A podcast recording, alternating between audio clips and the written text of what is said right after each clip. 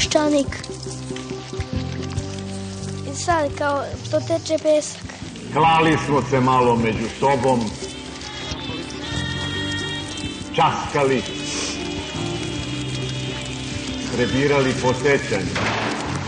Srbi krenuli sa kulturom, sa civilizacijom evropskom, sa modom evropskom. O, leševi srpski! Nacionalizam kod nas nije isto što nacionalizam u Francuskoj. Peščanik. Jer možete govoriti kao što Francuzi piju za ručak vino, mi smo alkoholičari, mi ne smemo ni kap vina da pijemo. Ajde dalje. Napustimo mračni i sramni Beograd. Iza nas nerazuman lelek nedostojnih, Peščanik. ispred nas ciljevi uzvišeni. Ovdje ljudi još uvijek masovno misle da socijalizam nije tako reći. Može, treći put vodi pravo u Afriku. Ekonomski uvek, ako hoćemo tamo, onda smo na pravom putu. Iznad nas zver koja nas vodi putevima gospodnjim.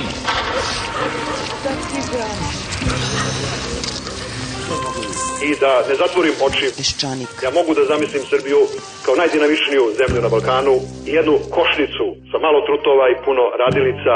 Ako ne uspemo, niko nam neće biti kriv. I dugo smo, dugo još putovali. Dakle, mi smo izgubili 5. oktobar, da tako kažem. Nepredviđen. Na televiziji vidim da se i rezultat drugog svjetskog rata promenio. Ugleda smo u bistroj vodi naša lica. Prema tome, ja očekujem da će Srbija krenuti u nešto novo tek kad pobedi Turke na Kosovo. Iznenada priznu smo u plaću. Peščanik.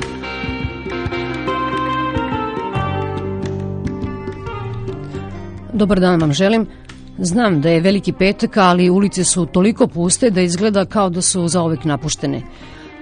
Kao da se Srbi na današnji dan ne sećaju raspeća Hristovog, nego se i sami kolektivno spremaju za krst. Meni je inače najdraži onaj Isus iz četvrtog evanđelja gde je predstavljen više kao logos, kao svetski raz, razum. Taj nam čika treba. Ako pođemo od onog dosta užasnog novozavetnog postulata da nema vlasti koja nije od Boga, pitanje je šta je otac sa nama naumio kad nam je Koštunicu namerio za predsjednika vlade i dozvolio da Miloševićevi ljudi politički vaskrsavaju. Naš predsjednik vlade se ovih dana sam sa sobom pogađa, verujući da trguje sa Karlom Del Ponte, oko uslova za saradnju sa Haškim sudom. A kad se Koštunica šali, to nije za smeh. Ovaj istaknuti učitelj morala i apostol pravde nas je doveo u situaciju kada, što se mene tiče, više ne moramo da se plašimo radikala. Ne moramo više da govorimo Hannibal ante portas. Hannibal je već stigao.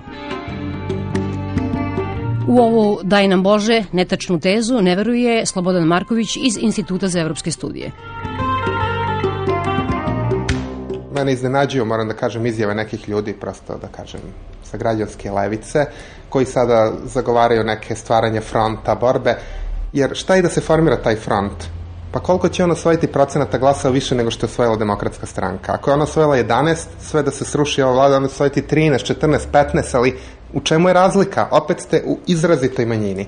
Znači, ceo taj demokratski front sada čini jedva većinu i nema drugog izlaza nego da se on objedinjuje i prosto sad nakon ovih promena u demokratskoj stranci ja mislim da su se prosto stekli svi uslovi da se on objedini da svi racionalni i razumni ljudi treba da deluju u tom pravcu jer nema drugog rešenja. Ja ću samo da vas podsjetim na jednu e, činjenicu kada se lomilo ko će da uđe u onu saveznu vladu, da li radikali ili SPO, da li samo SPO, onda su mnogi rekli mnogi, da kažem, nezavisni intelektualci, pa svejedno je, ko uđe sa socijalistima, on je njihov. Pa nije svejedno, kad su ušli radikali, imali smo rat nakon nekoliko meseci. Znači, oni su ušli krajem 98. imali smo u martu 99. već rat. Znači, nije svejedno. Veoma je bitno da li je stranka desnog centra okosnica vlade ili je stranka ekstremne desnice okosnica vlade. Pogotovo što kao posledica svega što se dogodilo, Zapad na nas gleda jednim drugim očima i sve negativne pojave koje postoje u njihovom društvima ovde se doživljavaju kao još gore i još crnje. I ta politička elita naša, demokratska, znači sve ove stranke sadašnje vlade plus demokratska stranka, treba da obrazuju, da skupe snagu i da obrazuju jednu koaliciju i da naprave dogovor o nekoliko elemenata. Prvo, kako definisati srpske granice, tu mora da se preseče, znači da se kaže jednostavno javnosti takva i takva situacija. Međunarodna zajednica želi da Kosovo bude nezavisno ili ne želi. Drugo, kako Srbija da u narednih 20 godina sustigne, delimično da sustigne evropske zemlje, znači to zaostajanje je ogromno i tu isto treba biti iskren. Ne zanimaju građane budžetske stavke, prosečan građani to ne razume. Građana zanima kada će da živi kao što je živo 1989. Ako je za to potrebno da se čeka do 2020. nek se kaže Treće, mora da se jasno kaže kakva unutrašnja politika mora da se vodi da bi se postigli spoljno politički ciljevi. I jedan od primera je ovaj zakon o Haškom tribunalu, koji očigledno, ja ne mislim da je njega doneo, odnosno da njemu učestvovao DSS zato da bi učinio uslugu Socijalističkoj partiji, nego zato što ta stranka stalno vodi jedan potez levo, jedan potez desno. Oni, to je otprilike, evo sad smo doneli zakon ove nedelje, a za dve nedelje ćemo nekog da izručimo. Pa onda rezultanta je nula. Mislim da je to ideja iza toga, ali svejedno mora da se vodi računa da svaki unutrašnji potez utiče na našu naš spoljno politički položaj koji je onako katastrofalan. Jeste katastrofalan. Evo pogledajte, tvrdilo se kada se dogodilo ovo na Kosovu da ćemo mi sad medijski od toga da prosto nešto dobijemo, ali ovde se ne svata jedna stvar. Mi smo tri rata izgubili kao država, nema veze da li smo mi u tome učestvovali, prosto mi smo gurnuti u to kao pojedinci kad vas kategorizuju na zapadu, vi ste državljanin te i te države. Kao državljanin te i te države vi ne možete da putujete bez viza. Znači vi ste gurnuti u tu kategoriju, hteli to ili ne. Možete da se ljutite koliko god hoćete, ali znate, nije dovoljno reći izgubili smo rat. Šta znači izgubili smo rat? Pa je trebalo da dobijemo rat na zločinima koji su rađeni.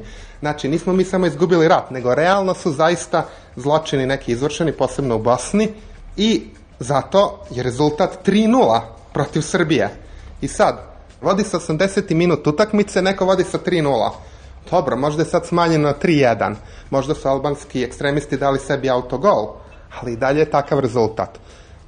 Važno je da se politička elita dogovore. Ja mislim da je to u ovom trenutku najvažnije u Srbiji. Da se jednostavno te četiri e, grupacije, političke, demokratske, dogovore i da formiraju zajedničku vladu. Očigledno, dokle god bude manjinska vlada socijalista, da to šteti državi, a oni koji misle da će od toga da profitiraju se veoma zavaravaju. Možda će da profitiraju na nivou svoje stranke koja nije u vladi, ali Srbija će polako da tone u izolaciju, a izolacija je uvek put za jačanje ekstremista.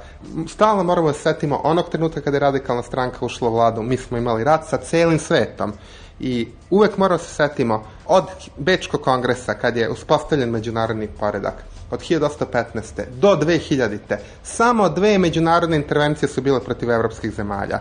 Znači, međunarodna intervencija Francuske, Engleske, kasnije i Pijemonta protiv Rusije u toku Krimskog rata i međunarodna intervencija protiv Srbije. Znači, našli smo se zaista na dnu svih država tom intervencijom i ne smemo da dozvolimo da se nešto slično ponovi. Znači da svi šta god mi radili privatno, ne znam, pišemo knjige, radimo nešto, da to napustimo i da budemo svesni da narednih e, dva meseca samo to postoji. Izbori i da moramo, znači, da agitujemo isto kao da je e, u pitanju oktobar, odnosno septembar 2000. Isto kao da je ovo Slobodan Milošević, ali ovo nije ni u kom slučaju drugačija situacija jeste povoljnija za nas, jer niko neće da nas bije, imamo medije, imamo sve, znači u ovoj povoljnijoj situaciji valjda treba da postignemo još bolji rezultat nego što smo postigli tada, ali naravno očekujemo da te naše demokratske političke stranke naprave jedan dogovor i da onda nas pozovu da im se priključimo.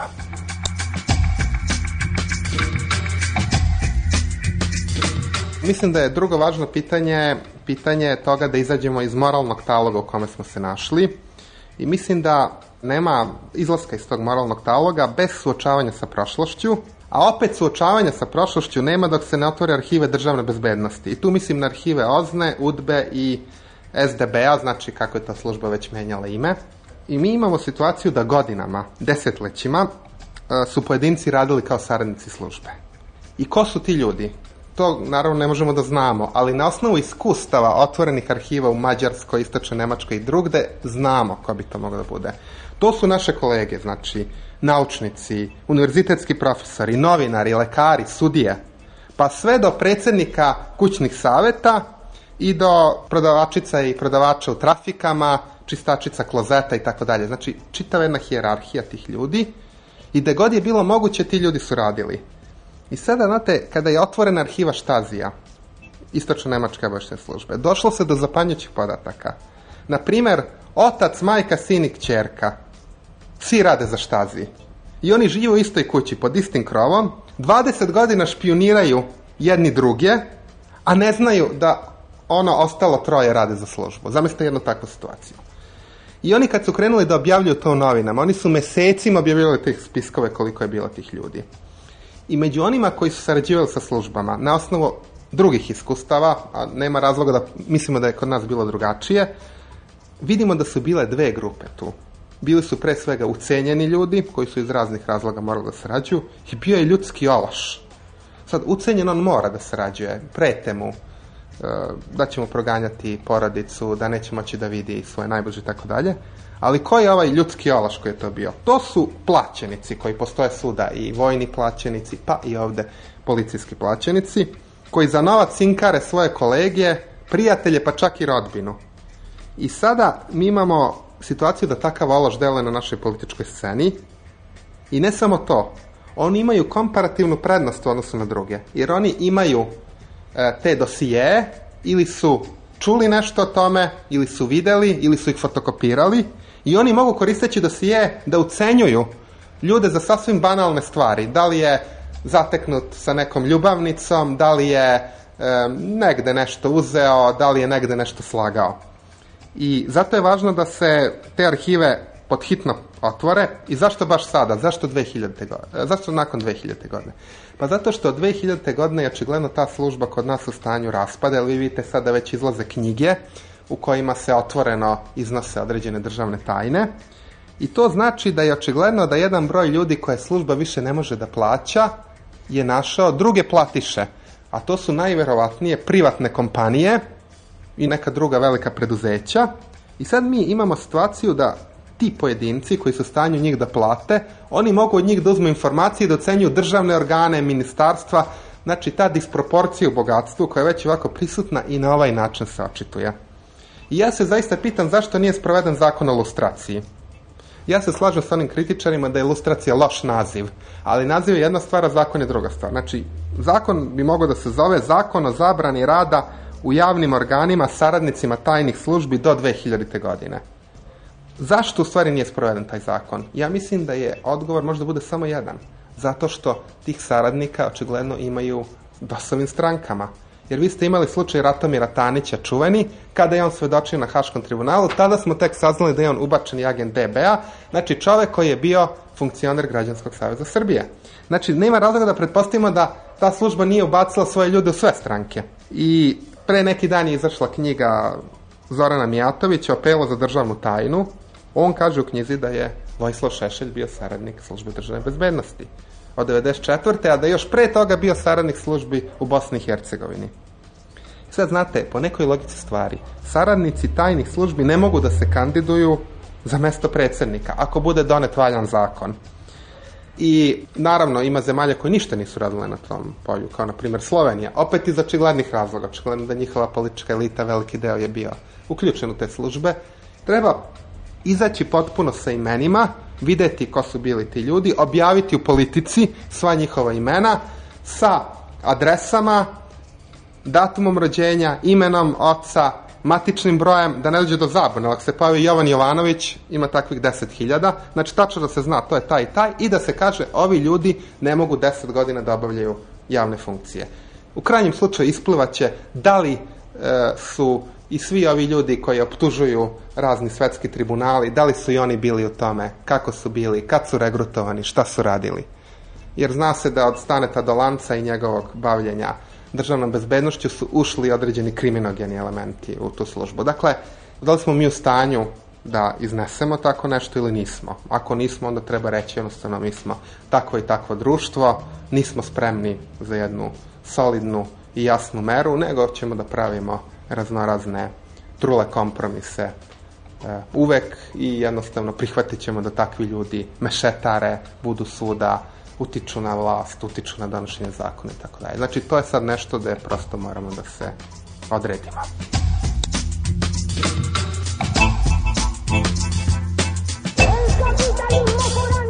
Bilo je i gorih situacija nego što je sada, onako, ruku na srce. Recimo, između prvog i drugog ustanka, znači kada je un, uništena ta ustanička vojska u prvom srpskom ustanku i kada je onda harala odmazda Srbijom, znači 813. 814.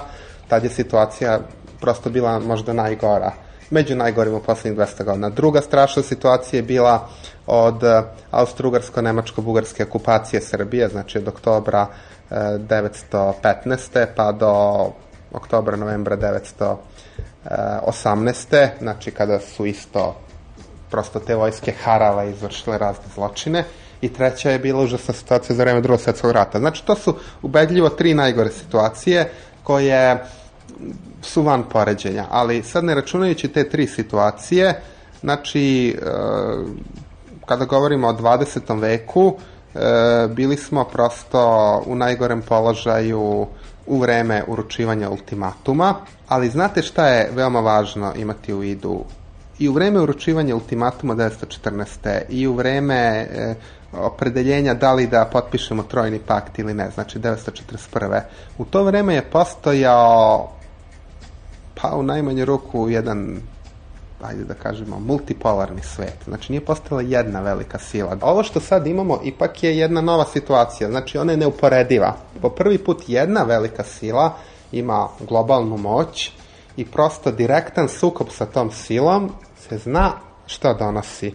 Znači, ko smatra da ima neko drugo rešenje, neku drugu teoriju, neka pogleda šta se dogodilo u Afganistanu, šta se dogodilo u Iraku. Znači, direktan sukob sa tom silom vodi u okupaciju te države koja tako nešto pokuša da uradi ili u više nedeljno bombardovanje kao u našem slučaju. Znači, s druge strane, po prvi put ta velika sila nudi nešto za uzvrat. Znači, ona ne dolazi vama i kaže, evo, mi ćemo vas da bombardujemo, pa uzmi ili ostavi. Nego to je sistem štapa i šargarepe. Znači, oni vam nude i ekonomsku podršku i razne druge stvari ako vi ispunjavate te kriterijume koje se traže. Tako da je ova neuporediva situacija sa bilo e, kojim drugim stanjem u prošlosti i nema trećeg puta. Znači, e, ušle su sve okolne zemlje pre neki dan u NATO pakt, znači u NATO paktu je Mađarska, od pre neki dan Bugarska i Rumunija, tamo je Grčka, Makedonija ima na svojoj teritoriji faktički već te trupe, Albanija takođe nezvanično, Bosna i Hercegovina će imati uskoro trupe Evropske unije, ali uz sadejstvo NATO-a. Hrvatska je isto na pragu e, integracija evropskih, znači mi smo okruženi time, znači mi jednostavno ako ostanemo izvan toga, mi smo crna rupa. Prosto nije tu moguće mnogo razmišljati pa sada da li ćemo ovde ili da li ćemo onda, jednostavno to je ponuda, ponuda je da kažem fair, a od vas se samo traži jedna stvar da ispunite standarde. Ali mislim da je potrebno građanima reći već jednom šta ti standarde znače. Između ostalog ti standarde znače i suočavanje sa onim što se dogodilo i osuda toga. Znate, znači, e, očekuje se da e, prosto premijer, predsednik, dakle glavni ljudi u državi, se izvinu za, on, izvine za ono što se dogodilo u Srebrenici. Znači da se javno izvine. Očekuje se, prosto to je civil, civilizacijska stvar, da neko uputi izvinjenje i da pokaže da osjeća prosto neprijatno za to što se radilo u naše ime. Znači, mi smo nadležni za naše džamije. Šta se dogodilo na Kosovu, za to je nadležan Kejfar i možda će Kejfar jednog dana za to i da odgovara, ko zna, nekad se mislilo da nikad nijedan svetski moćnik neće da odgovara, danas polako se i to menja. Ali mi smo nadležni za ono što se dešava na našoj teritoriji. Ako mi nismo u stanju da odbranimo džamiju u centru grada, u ulici u kojoj može da uđe ukupno 200 ljudi jer je uska, onda to znači da nama ne treba pre, preneseno, znači e, sa stanovišta onih koji posmatraju zemlju, da mi uopšte nismo u stanju da vršimo suverenost na, našoj državi, na teritoriji naše države. Onda znači da nama treba neka međunarodna pomoć. Znači mi moramo da ispunimo sve standarde, jer samo ispunjavajući te standarde mi delujemo svetu kao da smo država koja je u stanju da sama o sebi vodi brigu. E, u suprotnom, e, može da bude isto ponašanje kao prema kosovskim albancima i kao prema svim etničkim zajednicama u Bosni kojima se kažu vi ste nesposobni da vodite i dokle god ste vi nesposobni mi ćemo voditi umesto, na, umesto vas. Moramo da se setimo jedne velike misli engleskog filozofa Berka. Menjam da bih sačuvao. Znači, Republici Srpskoj isto vrlo jasno rečeno.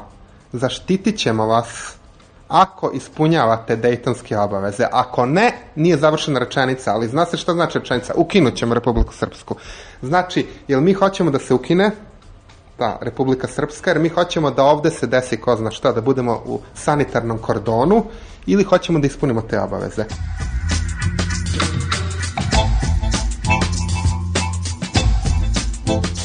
Na kraju će se svesti na to da ćemo očekivati da Toma Nikolić postane evropski reformator, ukoliko ova naša elita nije, ko zna, znate, možda će i on za 20 godina da dođe, da mu dođe prosto u glavu ovo što je došlo Sanaderu, ali šta ćemo mi da radimo tih 20 godina?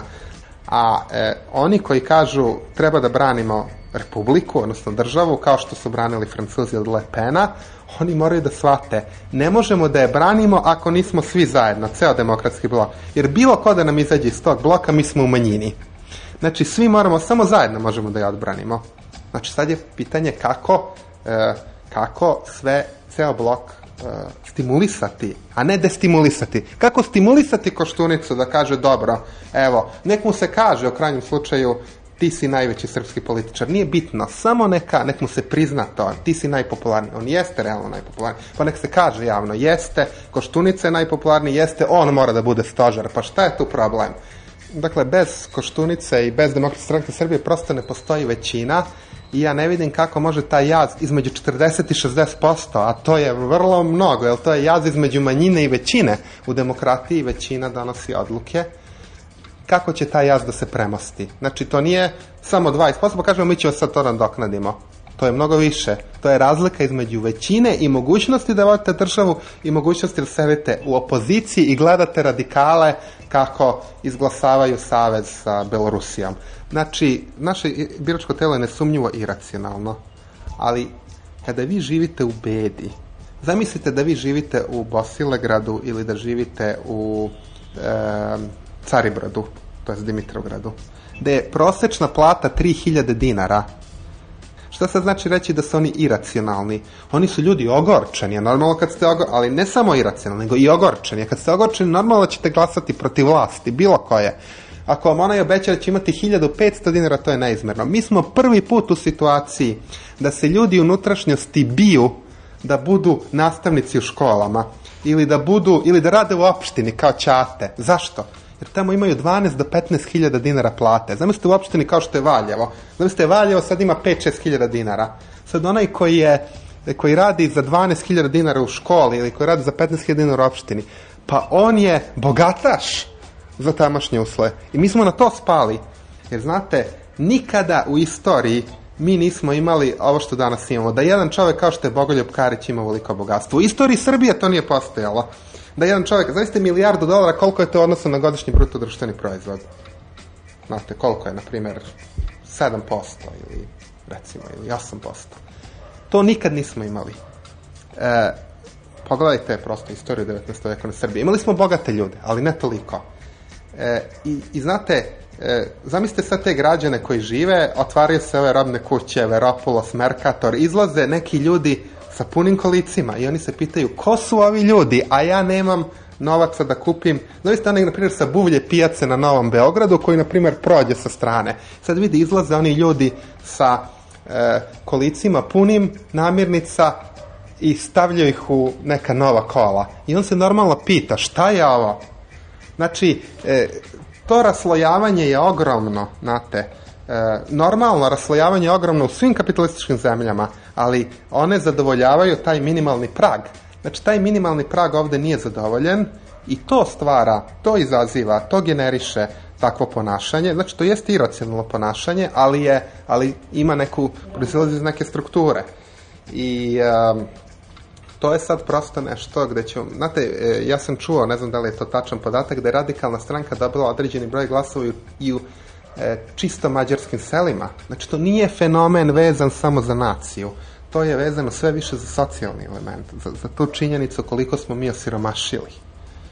I kogod putuje po Srbiji, ja sam putao sa nevladinim organizacijama, promovisali smo bukvar demokratije, u nizu mesta nam postavljaju samo jedno pitanje. Gimnazijalci od 18 godina kažu, lepo je to što vi pričate o demokratiji, ali šta ćemo mi da jedemo? To nam kažu.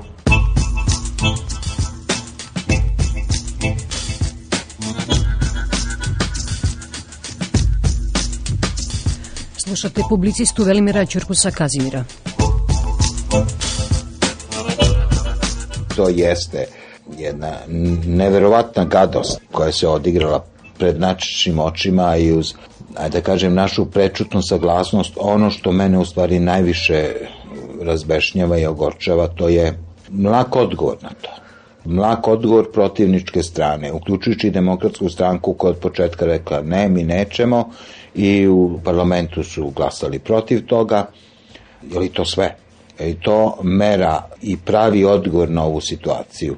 Zaista, ako je pitanje opstanka ove zemlje u tome da se ne talasa i da se ne podigne, evo kažem, kuka i motika protiv jednog ovakvog besramnog, amoralnog zakona, onda je pitanje šta ćemo dalje, mislim, onda možemo prihvatimo sve, stvarno možemo da prihvatimo sve ne bi preterivao stvari pa rekao sad će ovde nastupiti fašizam i tako dalje, on neće nastupiti, ali će nastupiti jedno, jedna potpuna i gubitak vere, optimizma, nastupit će jedna apatija, ta apatija se ne može pobediti time što ćemo mi izigravati opšte pomirenje, Ne mogu da zamislim pomirenje sa ljudima e, koji smatraju da je sve to što je rađeno bilo u redu i u odnosu na ratove i u odnosu na ratne zločine i u odnosu na ono što se radilo prema građanima ove zemlje.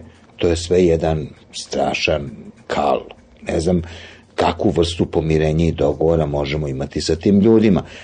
Vrlo često se to pominje, zar je nemoguće da srpska elita, politička, vojna, ne mogu da sednu zajedno i da kažu mi hoćemo to i to. E, ne mogu da sednu iz prostog razloga jer su te elite međusobno toliko podeljene, pre svega kulturološki i antropološki. I ja kad govorim o nacionalnim interesima, ne bežim od tog razgovora i ne gadim se, ja onda govorim jednim sasvim drugim jezikom i imam drugu viziju nego što imaju ovi ljudi i po meni onda nije prioritet sam po sebi očuvanje čilice, već je prioritet napraviti takvo obrazovanje u kome će ta čilica normalno da se razvija i opstane. Mislim, cela ta ikonografija gde mi izaberemo nekoliko simbola, beli anđeo, čilica, zadruge, e, sad vidite tu sliku sveta. To je slika sveta sa kojom se ne može ići napred.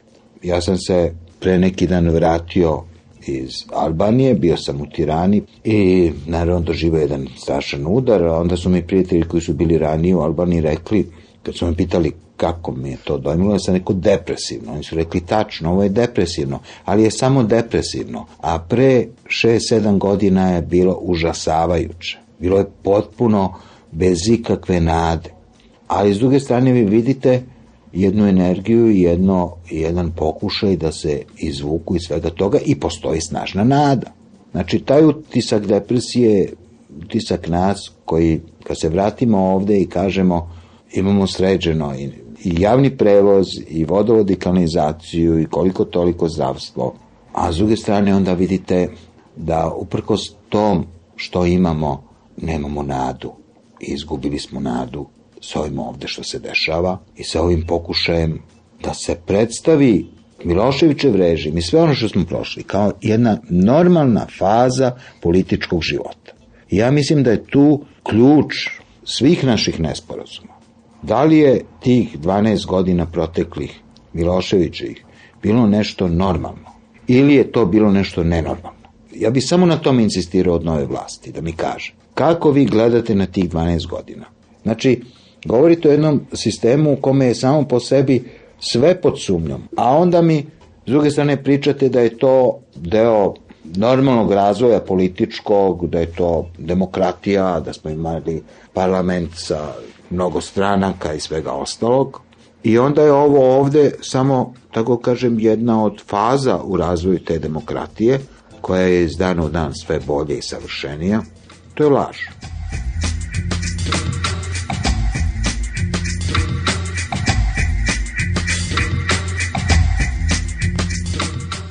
Ja u ovom času zaista ne znam ono što se dešava kod nas koliko je posljedica političkog pragmatizma, a koliko e, ličnog koristoljublja i sujete.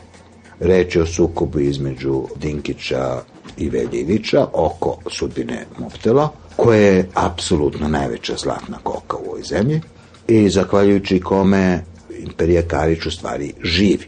Ako biste uzeli Moptel od Karića, svako zna da oni kao imperija više ne postoje.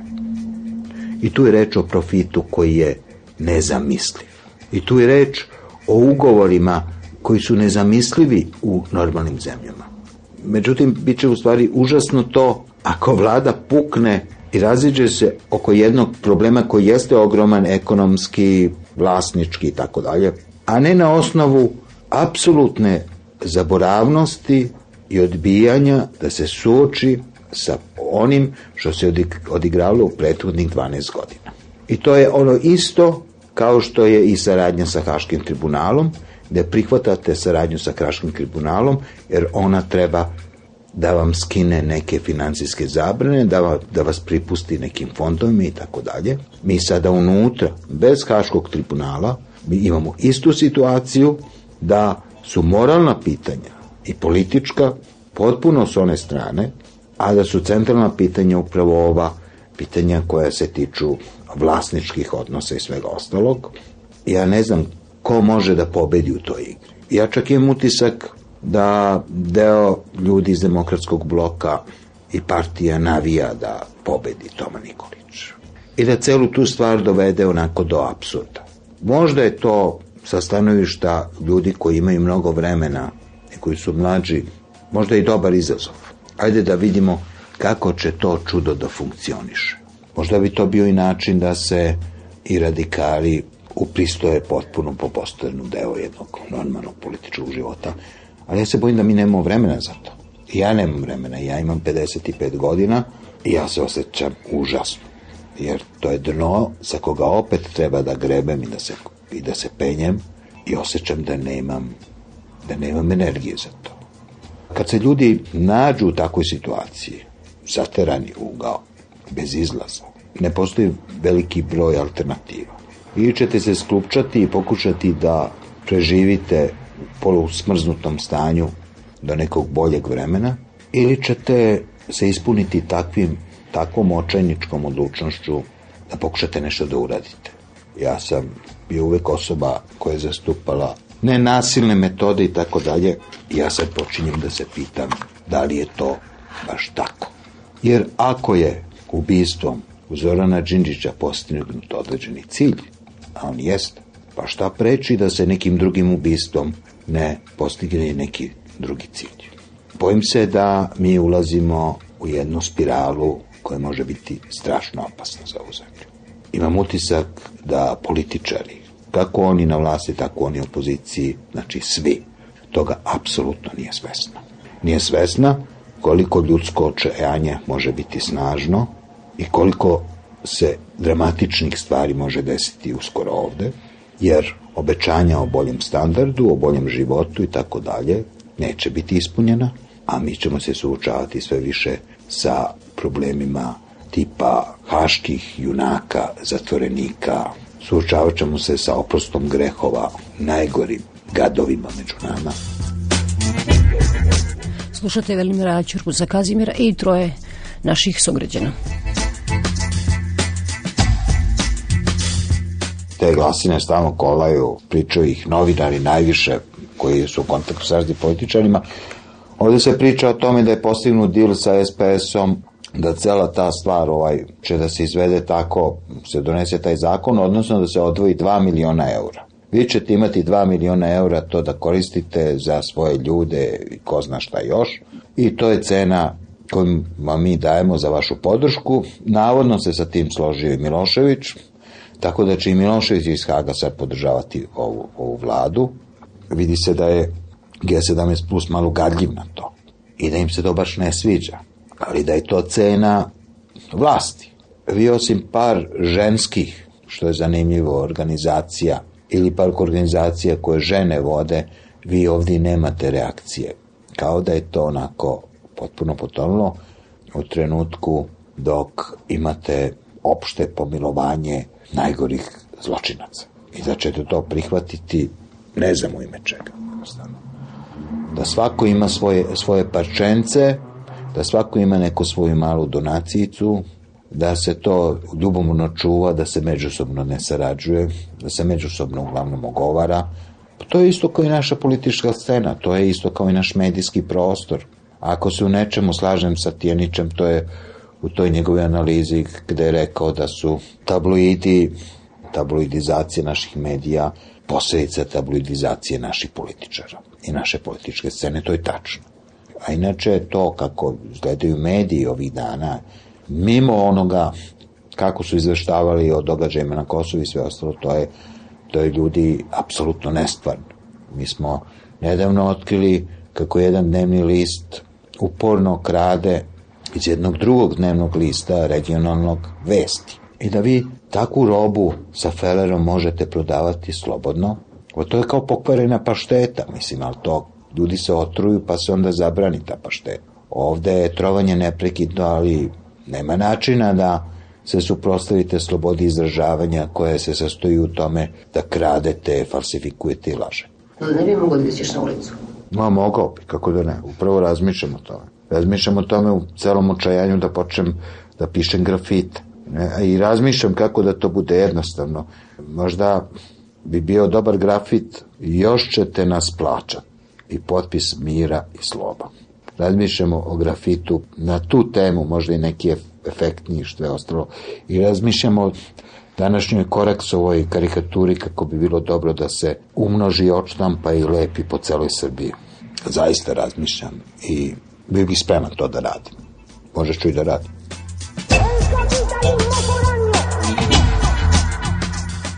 Znate šta, generalno mislim da je ova vlada od 90. godina prvi put na svom mesto, zahvaljujući Koštunici i Labusu. Inače sve najbolje mislim o ovoj vladi u odnosu na prethodne koje su bile kriminalne. I ovaj, setite se one narodne ovaj, iz istorije seča knezova. To nam su nam u stvari Amerikanci priredili.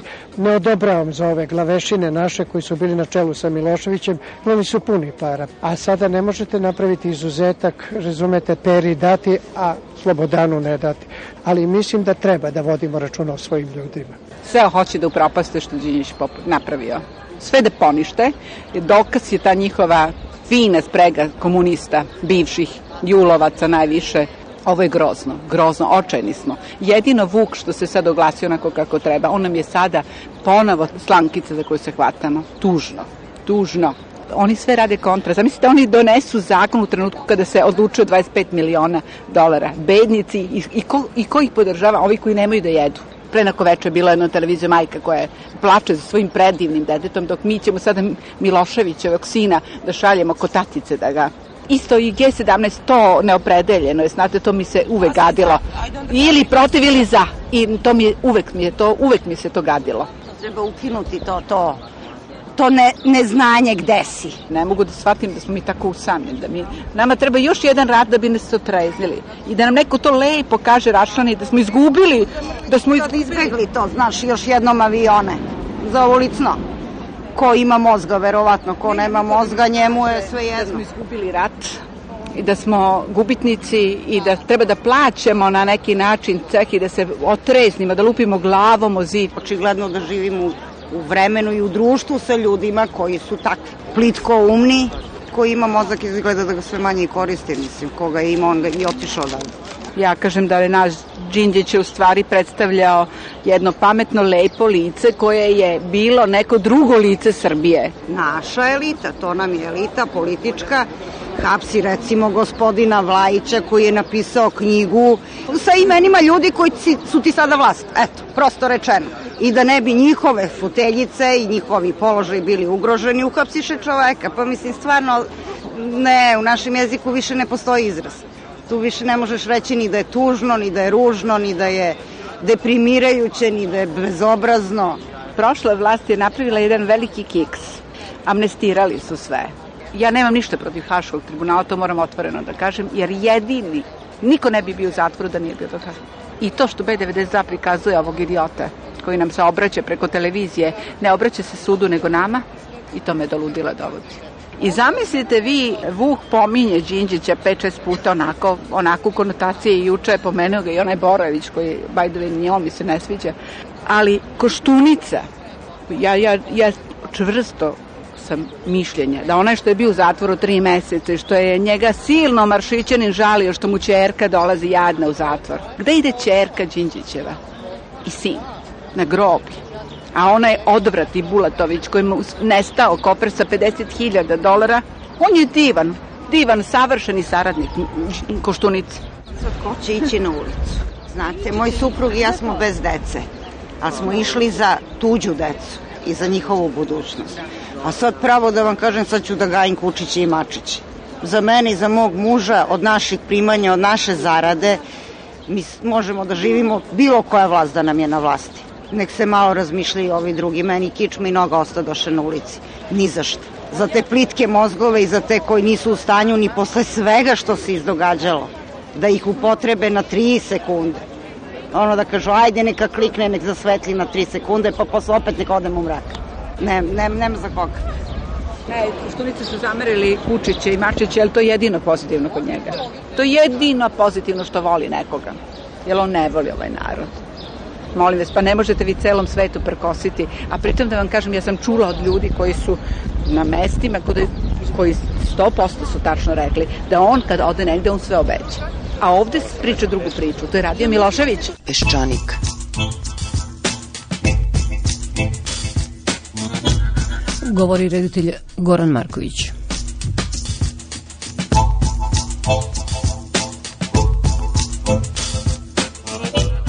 Ja odavno ne kupujem novine, ali pokušavam da ne gledam ni televiziju, niti da slušam radio, zato što jednostavno ne želim da imam bilo kakvih dodirnih tačaka sa ovim ljudima koji su na vlasti i uopšte ne želim da mi taj aspekt pokvari život. Mislim, stvarno postoje toliko stvari koje su bitnije od od nekog polusveta na vlasti, da stvarno ne znam zašto bi se uopšte bavio. I stvarno uopšte niti znam ko šta, kakve pozicije zauzima, niti ko de facto vlada. Tu i tamo dopiru razni fragmenti domene koji su stvarno najniže razredni, da su oni potpuno u konfuziji u, i jedino zašto se drže to je baš ta gola vlast. Ono što sam jedino primetio to je da, pošto radim na fakultetu dramskih umetnosti, shvatio sam da, da je nova vlast ukinula neka materijalna sredstva za nastavu, tako da naši studenti sad više neće moći da uče. Eto, to je nova tekovina. Koliko sam shvatio, te pare idu sad na neka druga mesta. Milošević je dao policiji, ovi će davati nekom drugome. Moram da je doprlo do vas ovaj zakon o pomoći haškim pritvorenicima. Da, zanimljivo je kako, kako je tako vrlo orkestrirano taj zakon donesen i vrlo brzo prošao, izglasan je glatko, a recimo to što i vrapci na granama znaju da ti isti optuženici leže na ukradenim milionima, nikada nije bilo što je pomerano sa mrtve tačke. Jednostavno se zna, znaju se brojevi računa, znaju se, znaju se ogromne svote koje su iznešene, znaju se ljudi koji su iznosili to. Nikom ništa. Ali Zanimljivo će biti kako će biti isporučena pomoć Mirjani Marković. To me baš živo interesuje. Koji poštar će na koju adresu to da odnese i koju svotu. To je sve cinično i to je sve stvarno odvratno. Masa ljudi zbog njih gladuje, a sada će još da plaća porez da im plaća to zbog čega oni gladaju. To je toliko cinično i samo liči naravno na ove vođe kao što je Koštunica i te navodne legaliste koji se sakrivaju iza legalizma, a rade u stvari najnelegalnije stvari koje su moguće. U moralnom pogledu je to sa svim ništavno.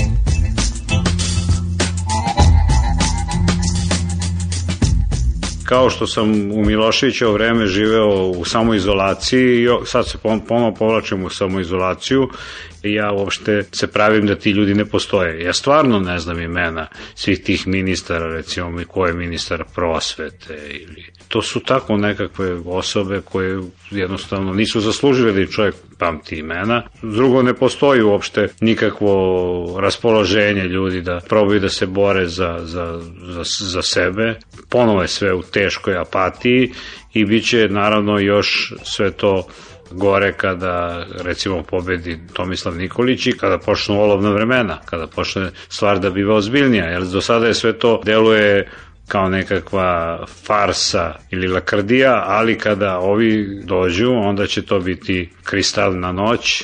Onda, kada se to desi, kada utonemo u potpuni fašizam i kada utonemo u mrak, onda ćemo morati da razmišljamo kako da se odupremo i kako da preživimo. Za sada mi možemo da ih preziremo i da im, da im pokazujemo kako su oni ništavni i to je sve što možemo da uradimo nekako tako brzo posle 5. oktobra ili tako brzo posle odlaska Miloševića, odjednom opet nema šta da se radi. Opet ako sediš i čekaš da... Pa, vidite, oni su vitalni. Svako od tih tipova, pošto nema drugu sudbinu osim vlasti, nema i drugi izvor prihoda, on ne može da se prehrani, a da ne govorimo nešto više ako nema vlast u rukama. On, niko od njih nema nikakav ljudski zanat. Jedini ko, ko ima, to sam pre neki dan sam sreo na mom fakultetu, vidim Žarka Koraća, baza hodnicima i traži neku učionicu i kažem šta radiš ti tu, on kaže pa ja sam sad ovde zamenjujem ne znam koju profesorku. I to bi bilo onako simpatično da čovjek ipak bio podpredsjednik vlade pa uvatio dnevnik i baza hodnicima. Ipak ne bi to morao da radi, da je neka lopurda verovatno ne bi mu nikad palo napomen da se ponižava i da ga tamo zavitlavaju studenti. Ovako izgleda tu i tamo su nekakvi ljudi ostali čisti, jel? Ja ne kažem da se ja politički slažem sa Žarkom Koraćem, ali mislim da je on jedan jako korektan i pošten čovek. Ne znam da je sposoban, ali, ali je u svakom slučaju jedan od malo onih koji nisu svoj boravak na vlasti iskoristili da, za grabež i za, za divljačku otimačinu. Jel? Ali ovi izgleda da je to pravilo igre u Srbiji da svako ko se približava vlasti, on se približava sa idejom da omasti brk Zato, zato je takva apatija. Nema ličnosti koja uopšte ima bilo kakvu ideju u glavi. Najgori su ti patrioti, ti nacionalisti, oni su u stvari najveći protivnici naroda, jel? Oni su, dakle, potpuno preobučeni šibicari koji, znate kako se, kako šibicari rade? Nije stvar onome ko kreće šibice, nego je stvar onima koji izigravaju žrtve i koji izigravaju mušterije. Tako da šibicari, to je u stvari jedan okreće kuglicu ispod šibica, a još petoro glume, razne likove. Slučajni prolaznik, klecava starica, nevina devojka, dobroćudni, čikica, sve su to šibicari. I on, oni svi igraju za vas da bi vas navukli. Tako su i ovi svi. Oni su svi borci, za narod i tako dalje, sve to. U stvari su to sve šibicari koji jednostavno taj narod hoće da orobe, da ga navuku. To je naša stvarnost.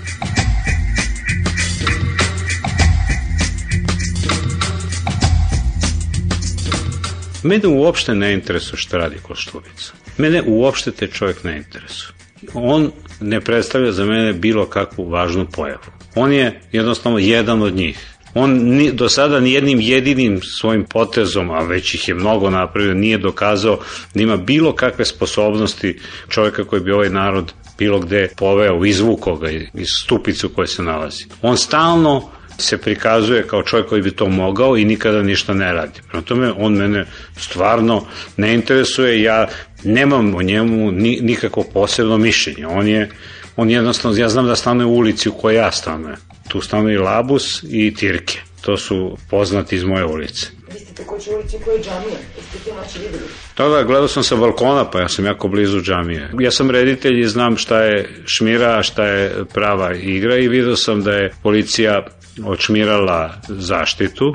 Ja sam sišao da pomerim kola da mi ne bi zapalili kola i onda sam vidio da se policija seda lepo mirno u kombije i odlazi baš kada je usred paljevine. I kada je počela džamija da gori i jedno drvo ispred džamije koje je stotinama godina tu staro, kad su počele da gore kola, ne samo policijska dva spremna za rashod, nisu to bili uopšte ovi Peugeoti, nego kečevi, i tri komšijska automobila kad su počela da, da, da gore. Ja sam nazvao požarnu komandu i rekao ljudi ovde gori ne samo džame, nego pet automobila, plamene već do drugog, trećeg sprata, da li vi nameravate nešto da preduzmete u smislu gašenja. A onda je jedan rekao kao, pa mi smo tu, tu su kola, samo ne, i počeo nešto da muce. Ja sam rekao, slušajte, počnite da gasite, da ne bi ja došao tamo, da se ja s vama obračunam. Počeo sam se derem na njega, onako izbezumljen, ipak je plamen bio skoro do balkona. I onda je on pošao da meni govori, nemojte vi da vičete na mene, Onda sam je rekao, naravno da ću da vičem na tebe i naravno da ću da vas sve prijavim kao saradnike i sudionike, I onda je, boga mi, vrlo brzo su došli vatrogasci, pa neću da kažem da sam ih ja prepao, ali nekako tako posljedno 5-6 minuta su stigli. Cela stvar je po meni bila krajnje aranžirana, stupidna do bola, jel? To je mogo samo da aranžira neko od ovih koji nisu na vlasti. Vlast ne bi ipak sebi toliko Pa možda i bi kakvi su. Ali to je bilo toliko dobro organizovano da je dokaz da to nije bila vlasti. To je bila nekakva organizacija koja je imala jako mnogo disciplinovanih članova ja nazirem ko bi to mogo da bude, ali nemam dokaza, tako da neću to da kažem. Dakle, oni su to organizovali sa idejom ne da zapale džamiju, nego da napakoste vlasti i da još više e, njihovu nebuloznu politiku učine još blesavijom. Ja?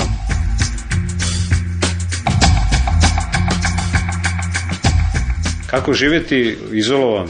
Pa to je dakle čitava nauka koja podrazumeva razne mehanizme da se odbranite. Ja znam jako mnogo ljudi koji, koji žive, ne govorim tu samo o pecarošima, oni su najbliži samoubicama. Ja? Kad god vidim neko kako zori onaj štap naukom miran, mislim se poželi, stoji li on na, na Simsu. Ali ne, ne samo tako, ne, ne autizam i ne autohipnoza, ne čujem, ne vidim, ne primećujem. Nego mislim da, da, da je uspostavljanje jedne čvrstog sistema vrednosti pri čemu određene stvari automatski odbacujete kao bezvredne. Naprimjer, šta radi koštunica? U mome sistemu vrednosti to je bezvredno pitanje. Mnogo je vrednije kakvo će vreme biti sutra pre podne. Jel? Pokušavam da, da sagradim sistem vrednosti koji će da me spase ovoga i koji će da me natera da uživam u stvarima koje inače ne bih imao vremena i smatrao bih ih nevažnim i tako. Koje sam propuštao u životu baveći se kao budala kao važnim stvarima, događajima, istorijskim, politikom, tako da pokušam da se vratim najobičnijim stvar, stvarčicama i mislim da je, da je to takođe jedan pravi život, da je ovo sve što nam nudi ova, ova histerična politička scena zapravo jedna varka, jedna, jedna proteza za život i da je se treba odbaciti, treba odbaciti štaku i hodati svojim nogama, to je moja filozofija.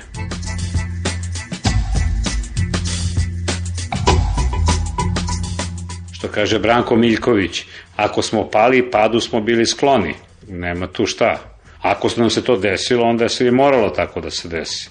Znate, ima ona priča kako je Tabaković, onaj divan stari slikar koji je bio šef katedre, odbijao celog života da bude u prijemnim komisijama na likovne akademiji kad su ga pitali, ne znam, pa dobro profesore, kako možete vi najstariji, najcenjeniji šef katedre dobijete, da budete pri... On je rekao, pa znate, kaže, 1900, recimo 20 i ne znam koje, na Bečkoj akademiji se na prijemni prijavio jedan kandidat koji se zvao Adolf Hitler. Nije primljen. Da je primljen, on bi možda crtao vazne sa cvećem, a ovaj svet bi izgledao drugačije. Prema tome, da je bilo nešto drugo, možda bismo i mi bili sa svim drugačiji i živeli sa svim drugačije, ali tako je nekako taj, taj fatum koji je, naročito kad se posmatra unazad nepromenljiv, je takav i ja, ja se nastojim da, da ipak zadržim sposobnost da prihvatim šta god da se desi i da ne vredi kukati što je to to, nego da treba pokušati s tim živeti ili jednim od ovih mehanizama o kojima pričam se od toga izolovati i živeti svoj alternativni život koji može svaki čovek, može da ogradi svoj svet odnosom, prezirom prema onome što je, što je niže razredno, što je, što je odvratno, što je nemoralno. Tu je pre neki dan, ne znam, užasne neke stvari napisala Isidora Bjelica o meni.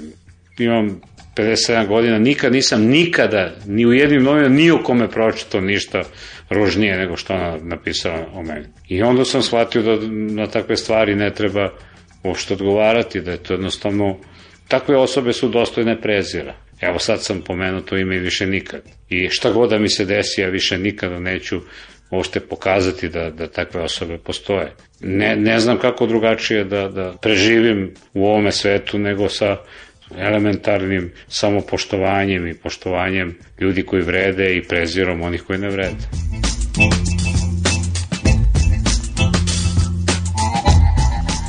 Stalno nas napadaju da u Pešaniku govore isti ljudi, da je to malo ljudi, još ćemo smanjivati, to je obećanje, sve dok ne postignemo idealno rešenje, to je da govorim samo ja, a Sad ćemo napraviti jedan izuzetak, jedan presedan. Čućete jedan novi glas, glas gospođe Ivane Spasić sa Filozofskog fakulteta. Ivana je inače sociolog i upravo završava svoju doktor, svoj doktorat iz teorija svakodnevice. Nadam se da će u tom doktoratu biti korisnik savjeta, na primjer kako da u zemlji Srbiji dovocimo od ponedeljka do petka i da po mogućstvu ostanemo normalni. Govori Ivana Spasić. Kako vama izgleda tu sa DSS-om? Zar DSS nije trebalo da pokupi sve ono što nije pravo radikalsko, u smislu uvereno radikalsko? Šta je DSS? Da, ja ne znam šta je DSS. Da. Još nisam sasvim uskratila svoje strpljenje koje sam ono protiv svoje volje odlučila da primenim na njih i da kažem dobro da sačekat ću, vidjet ću. Mora da ima neko tamo ko je na mestu, ko je sposoban. I još uvek nisam potpuno zatvorila ta vrata kao građanka, ali šta jesu, ja to ne znam. Ja sam nekako u dubini duše očekivala da će oni biti ti koji će pokupiti, koji će biti kišobran za rasute, poluprofilisane društvene interese i, i grupe sa jednim nacionalnim predznakom, ali i nacionalnim u tom smislu da ne isključuje ni međunarodnu saradnju, ni mirodubivo dogovaranje sa manjinama unutar Srbije, koji će imati jako tu demokratsku, makar retoričke, ali retorika u politici uopšte nije nevažna, tu demokratsku notu ili makar pridržavanja osnovnih demokratskih procedura i čini mi se da se to nije dogodilo, prosto oni nisu ušli u, u to odelo koje je bilo po nekim, nekom modelu tranzicije njima bilo namenjeno. Ja sam videla u tom nekom prvom periodu posle 5. oktobra, verovatno sam želela da vidim više nego što sam realno videla u Koštunici, neko ko bi mogao da bude srbijanski Stipe Mesić. Čovjek koji ima osvedočen nacionalni, pa i nacionalistički pedigre, Svit Mesić je robijao zbog svojih nacionalističkih uverenja, koji će onda raspolagati nekim jezikom kojim će onima koji su na istoj talasnoj dužini s njim u tom značaju nacije, državotvornosti i tako dalje, dakle da će tim delovima društva moći da prenese one neugodne poruke. O tome da i ta nacija koju, jeli, svi mi jako volimo, ipak je uradili neke ružne stvari, da naša nacija da bi bila tako čista kako mi želimo, treba da se te svoje ljage oslobodi i da onda treba biti, dobro, imati i neke lične karakteristike koje Mesić ima, neke ono, nemanja dlake na jeziku i lične hrabrosti koje možda nije trebalo očekivati od Koštunice, ali na, na neki drugi način mislim da je mogo i da je to bila njegova, ako hoćemo i državotvorna dužnost, da on bude taj koji govori o zločinima, da ne izvrgava ruglu postavljanje pitanja ratnih zločina činjenih u ime Srba, to neotvaranje pitanja ratnih zločina, odnošenja prema celoj toj temi sa te desničarske nacionalne strane, da je osnažila podelu koja postoji u srbijanskom društvu. Sad više ne znam i da li je podela, jer je ponovo grupa onih koji o tome još uvek govore, ponovo je jedna sasvim jasno omeđena manjinska grupa, a većina ponovo ide ka tome da se to u najboljom slučaju gurne pod tepih.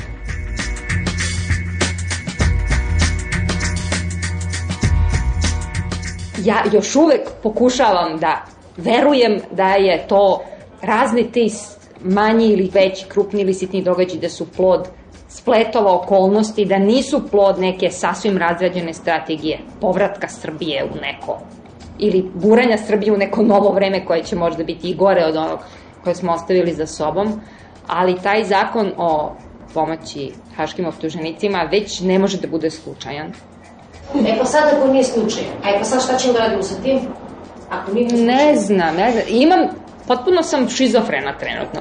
Imam ovaj racionalni pravac koji kad sam potpuno koncentrisana, onda njega sledim. A on kaže, nema povratka unazad, razne crte su podvučene, ni u jednoj zemlji koja je prošla kroz običan državni socijalizam, a kamoli kroz ratni raspad i kriminalizaciju kakva je bila kod nas, nije se iz tog stanja izvukla bezbolno, to mora da traje.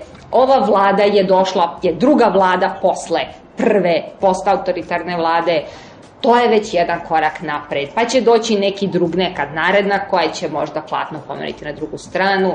Uglavnom da postoji neko klatno koje se njiše, da ne postoji neki vagon koji ide nizbrdo.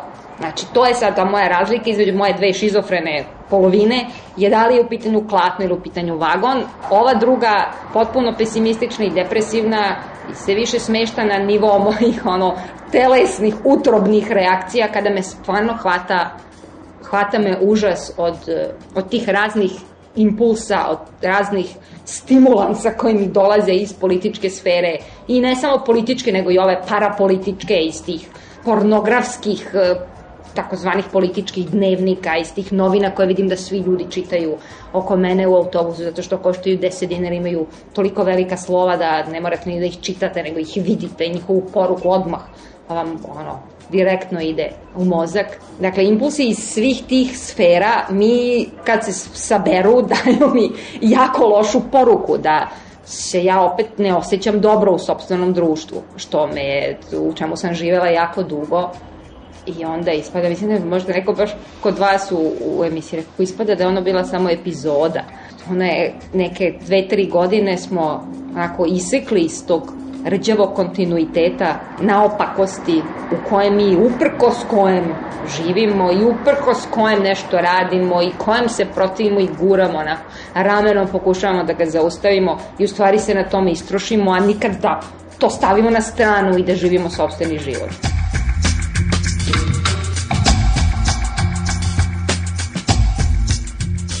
Stvarno nije bilo lako proživeti, recimo kažemo, poslednjih 20-25 godina uopšte u, u Jugoslaviji, preživeti ni fizički, ni tehnički, ni mentalno i emocionalno.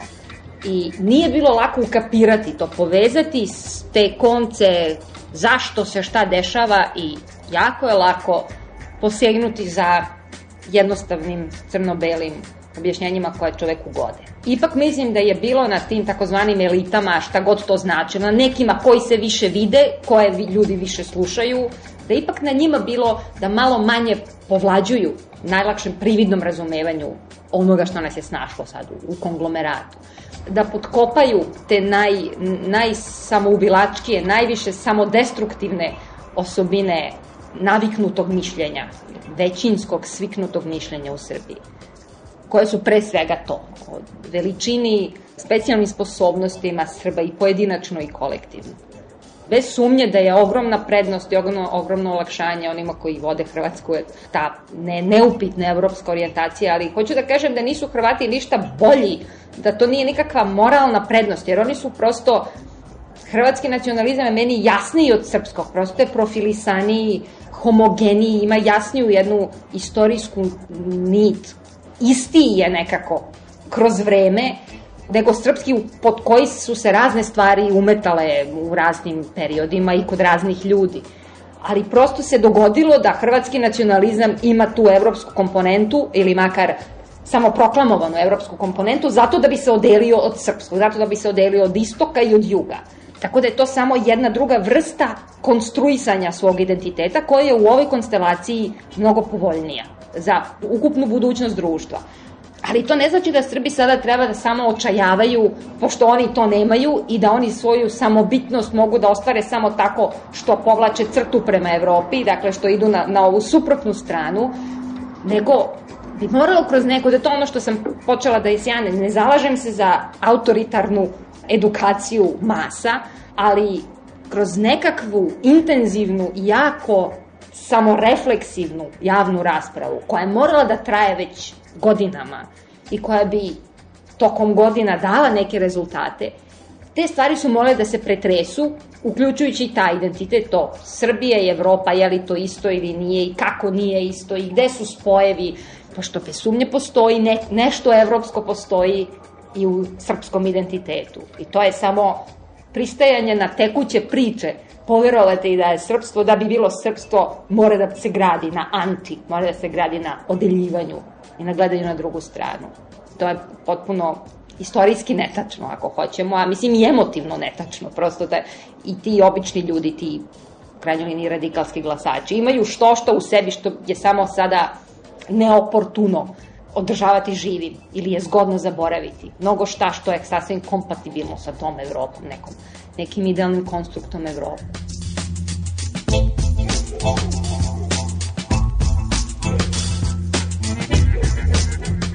Tokom 90-ih sam, prvo sam bežala u teoriju, to sam svesno radila, Kao ja sam sociolog, ali ne volim to što vidim oko sebe, ne podnosim ljude koje srećem po ulici, oni svi glasuju za Milošević, oni ne vide kuda idemo svi zajedno.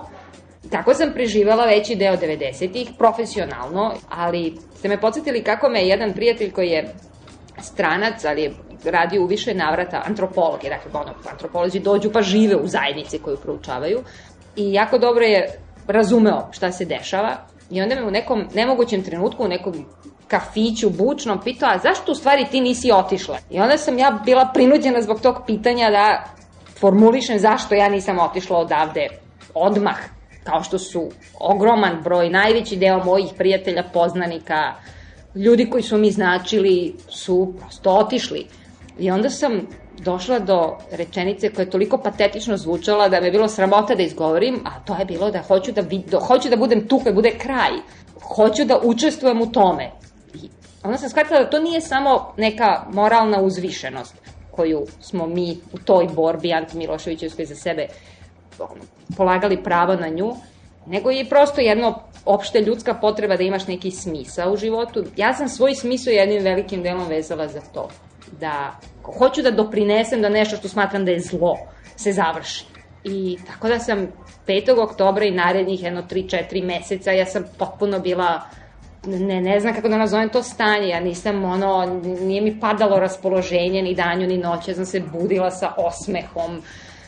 Onda je 2003. i 12. mart me potpuno ono, izmestio iz tog dotad već prilično razeuforisanog stanja. I onda se sećam opet i te dinamike, sa, ono, ovo vam stvarno uopšte ne treba ova sasvim e, lična priča, ali verujem da zapravo da je delim sa drugima taj užasni ono fizički bol i fizički, fizička težina koju sam osjećala i koju sam shvatila po onoj, ako ni, ni po čemu drugom po onoj sahrani, e, sam videla da delim sa, sa mnogima. Prvo jutro kada sam se ponovo probudila sa osmehom jeste bilo jutro posle večeri kada sam čula da je Zvezdan Jovanović uhvaćen i da je nađena puška i da je utvrđeno da je iz nje pucano. E, to nije samo, jeste i našli smo ubicu, ali je još jedan element je raščišćavanje. Jer sa, sa ubistvom Đinćića kao da mi se ponovo sručila sva ta prljava voda mutljavine u kojoj se živelo, znači osim tragedija koje su nam bile vidljive i jasne, koje su nam se 90. dešavalo, uporedo s njima je bila neki potpuna pomrčina da se ne zna ko je šta, ko kome šta radi, zašto, po koju cenu i s kojim interesima. Gomile ubistava koje su ostale nerazjašnjene. Potpuni osjećaj da živite u, to je stvarno bilo to preddruštveno stanje, da živite u nečemu što liči na društvo, ali nema osnovne pretpostavke društva. Posle 12. marta to mi se ponovo stručilo. Izgledalo mi kao da je ono između bila iluzija. A onda mi je, kada je Jovanović uhvaćen, izgledalo kao da je da će nešto da se ispliva, da ćemo saznati konačno Ako smo saznali ovo, onda ćemo saznati šta je bilo sa Stambolićem, onda će postojati ljudi s imenom i prezimenom koji su naredili, neki koji su vozili, neki koji su pucali, neki koji su zakopali ovoga, onoga, koji su pokrali ovo ili ono, dakle po nekoj hijerarhiji strahota da će se sve te mutljavine nekako isušiti, ta, ta močvara. I onda kako su se stvari dalje odvijale, ja sam sve manje imala tu veru da, da će do isušivanja močvare doći. I sad sam ponovo osjećam kako mi ta voda on, se penje prema glavi. Sada vidite Zvezdana Jovanovića i vidite te ljude koji su zakopali Ivana Stambolića, stoje i kažu to sam ja, ali ne možeš mi ništa. Na kraju su... Osećam fizički bol od toga. I ne znam šta dalje da kažem, pošto sam mislila zajedno sa hiljadama drugih da smo 5. oktobra ovlastili neke ljude da to nećemo mi, da neću da idem da linčujem Zvezdana Jovanovića, to nije moj posao, niti hoću da prljam ruke.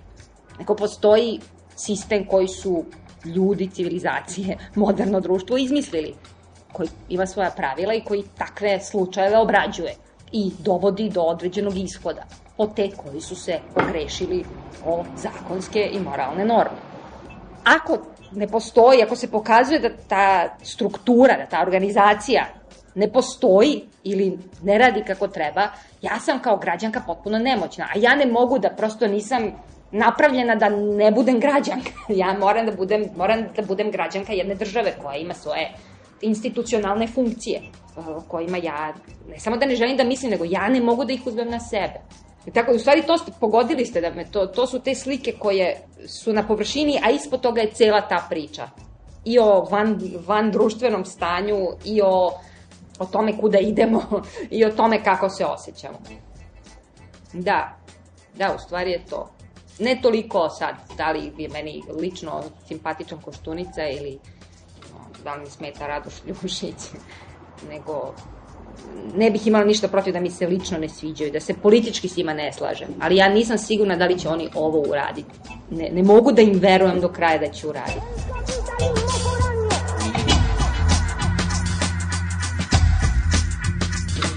Na onu temu kako Srbi misle o sebi lepo zato što bi potisnuli ono što je teško nositi, jako mi je bilo pa skoro simpatično u nekoj emisiji, ja mislim još pre ovih izbora, na nekoj televiziji gostovo Radoš Ljušić, viđen za budućeg ministra prosvete, spostavilo se da nije, da je bio pametniji od toga.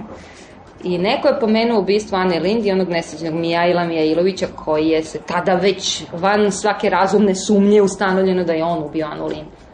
Ljušić na to kaže onako zagledan u, u bezvremenu daljinu svojim specijalnim srpskim pogledom.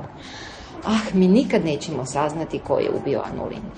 I shvatite da čovek, profesor univerziteta, uopšte nije u jednom trenutku uzeo ozbiljno razmatranje mogućnost da je možda švedska policija obavila svoj posao, da nije svaka zemlja Srbija, nego da se negde neke procedure sprovode, pa da onda nećete izaći u javnosti i reći da je Mijajlo ubio Anu Lind, ako nemate ozbiljne razloge da to kažete.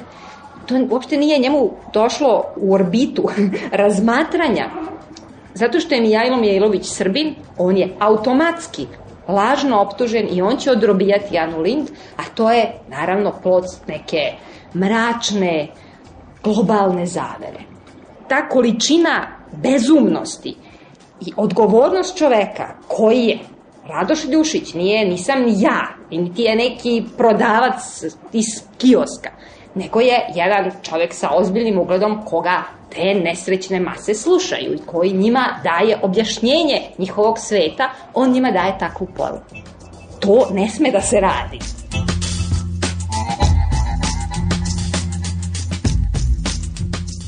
Kad kažem Koštunica, mislim sve ono što on personifikuje, što je trebalo da bude, a što nije očigledno. E sad, kako je Srbijom kojom hoće i nama da stvori? Ne znam. Stvarno ne znam. Meni je, ta, pošto ja imam porodično, imam i kontakta kontinuiranog sa tim kako se situacija razvijela u Hrvatskoj posle 90. I to je ostalo moje nerešeno enigmatično pitanje da li možda nije bolje imati takvu državu koja je bila jasno nacionalno i nacionalistički ustrojena od 90. pa nadalje. Sve je bilo jasno. I ciljevi i način kako će se do njega doći.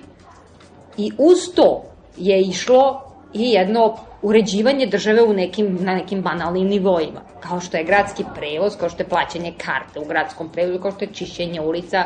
I sad je nama lako da se mi podsmemo kako Zagreb izgleda kao torta od, od veštačkog krema u svim mogućnim pastelnim bojama, ali je taj grad stvarno izgleda mnogo drugačije nego Beograd i to ne samo onoliko drugačije koliko je uvek izgledao i 60-ih i 70-ih, nego je taj jaz mnogo veći.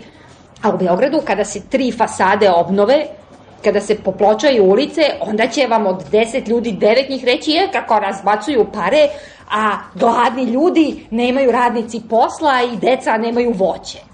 Kao, kao da je to jedno ili drugo ili kao da taj grad koji je glavni grad svima nama ne treba da ima neki oblik kojeg neće da nas bude sramota. Moje pitanje, dakle, i ovo političko i, i, i teorijsko, jeste da li nije u krajnjoj liniji bolje u protofašističkoj državi živeti, a da bar nešto znate na čemu ste, bar znate ako ste Srbin, da ste propali, ali ako ste Hrvat, onda vam je, brate, život mnogo jasniji. Moja porodica je mnogo lakše preživela u Srbiji zbog tog i drugačijeg nacionalizma i drugačijeg režima koji se jednom nogom legitimisao nacionalima, drugom nogom drugim stvarima. Mi je pitanje da li bismo preživeli tako jer smo mešoviti, da li bismo u Hrvatskoj uopšte mogli, da li bi nam glava otišla, da li bi sigurno poslove ne bismo zadržali i muž i ja, ali s druge strane, zato Srbija nigde nije stigla. Onda sam ja u nekim trenucima verovala da je Koštunica ta varijanta, da od tog rodoljublja, da će se to njegovo rodoljublje uliti u odgovorno vođenje politike, koje neće biti samo se razmišljati o tome kako će se kroz stotinu godina govoriti o 90-ima, nego će razmišljati o tome da li je Srbinu u Srbiji dobro kad sede u autobus i da li je Srbinu dobro kad ode u svet, da će neko da ga da mu se smeje i da ga prezire i da li Srbin ima da mu ono, prokišnjava krov, jer su i to pitanja roda svoga i to su nacionalna pitanja ako, ako naciju jako volite. Kažem, meni je Hrvatska bila primer da ipak iz tog jednog zla nacionalističkog može da za obične ljude proisteknu dobre stvari. Neki red se tu uspostavio. Ja nisam do danas ono shvatila na kojoj sam strani. Mislim, podjednako me užasava i ovo, jer tu bez sumnje elementi fašizma su bili mnogo jasniji u hrvatskoj politici do, ono, do 2000-te, a s druge strane ne znam da li je ovo neka istinska alternativa. Sad kao izbor između ta dva, a kako smo često putovali, imali smo stalno taj doživlje, da kao jedva čekamo da odemo odavde tamo, da bar vidimo čistu ulicu, a onda odande jedva čekamo da se vratimo ovdje, da možemo da se sakrijemo ono i niko nas neće dirati, neće pokazivati prstom na nas i ogretati glavu jer smo četnici.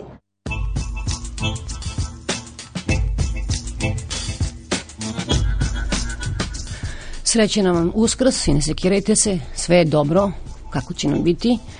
A negde sam pročitala da 75% naših građana veruje pojedinačno vaskrsnuće, što se tiče kolektivnog slabo nam ide, ima da odumremo načisto. A možda bi mogli da primenimo trik ostarelih eskima koji kada zanemoćaju brzo promene ime da ih smrt ne prepozna. Možda mi to već radimo u ostalom sa onim SFRJ, SRJ, SCG, i sad nam je malo ponestalo ideja. Ovo je bio Peščanik, a o njemu su govorili između ostalih Slobodan Marković, Valimir Ćurgus Kazimir, Goran Marković i Ivana Spasić.